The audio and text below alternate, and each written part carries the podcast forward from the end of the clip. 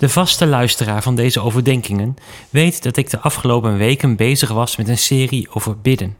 Deze serie is natuurlijk met de gebeurtenissen in Parijs actueler dan ooit. En ik zal in het volgende uur ook specifiek stilstaan bij bidden voor situaties als deze. Maar ik wil het nu met u hebben over iets anders. Wat mij de afgelopen dagen zo bezig heeft gehouden, is de uitspraak dat we in oorlog zijn.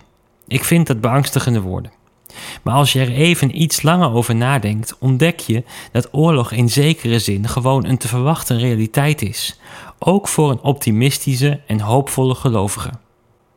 Het meest opvallend daarbij is misschien wel deze uitspraak van Jezus, zoals we die onder andere vinden in Marcus 13, vers 7. Hij zegt: Als jullie berichten horen over oorlog en oorlogsdreiging, wees dan niet verontrust. Die dingen moeten gebeuren, maar daarmee is het einde nog niet gekomen.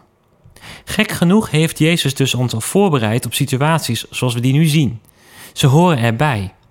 Dit patroon komt voortdurend terug in de Bijbel. In Johannes 16, vers 33 zegt Jezus bijvoorbeeld: Ik heb dit gezegd opdat jullie vrede vinden bij mij. Jullie zullen het zwaar te voortduren krijgen in de wereld, maar houd moed, ik heb de wereld overwonnen.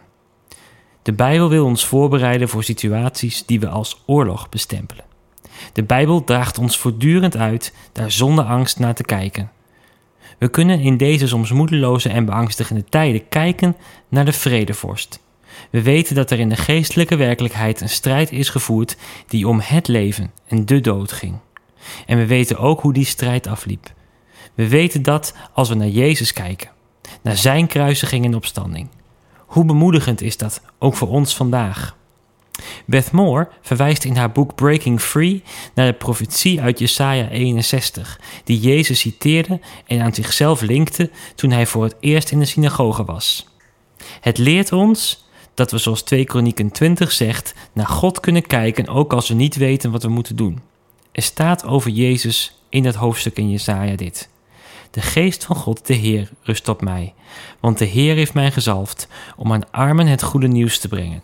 Hij heeft mij gezonden om aan verslagen harten hoop te bieden, om aan gevangenen hun vrijlating bekend te maken en aan geketenden hun bevrijding, om een genadejaar van de Heer uit te roepen. En een dag van wraak voor onze God, om allen die treuren te troosten, om aan Sions treurenden te schenken een kroon op hun hoofd in plaats van stof, vreugdeolie in plaats van een rouwgewaad, feestkledij in plaats van verslagenheid men noemt hen terebinten van gerechtigheid, geplant door de Heer als teken van zijn luister. Ons gericht zijn op Jezus maakt ons volgens dit gedeelte terebinten van gerechtigheid. Terebinten zijn bomen die het opvallend goed doen onder dorre omstandigheden. Ze kunnen er tegen. Het is altijd een groene boom met een glinsterend blad. Wij kunnen zo tegen deze beangstigende tijd. We zijn vol hoop omdat we ons op Jezus richten.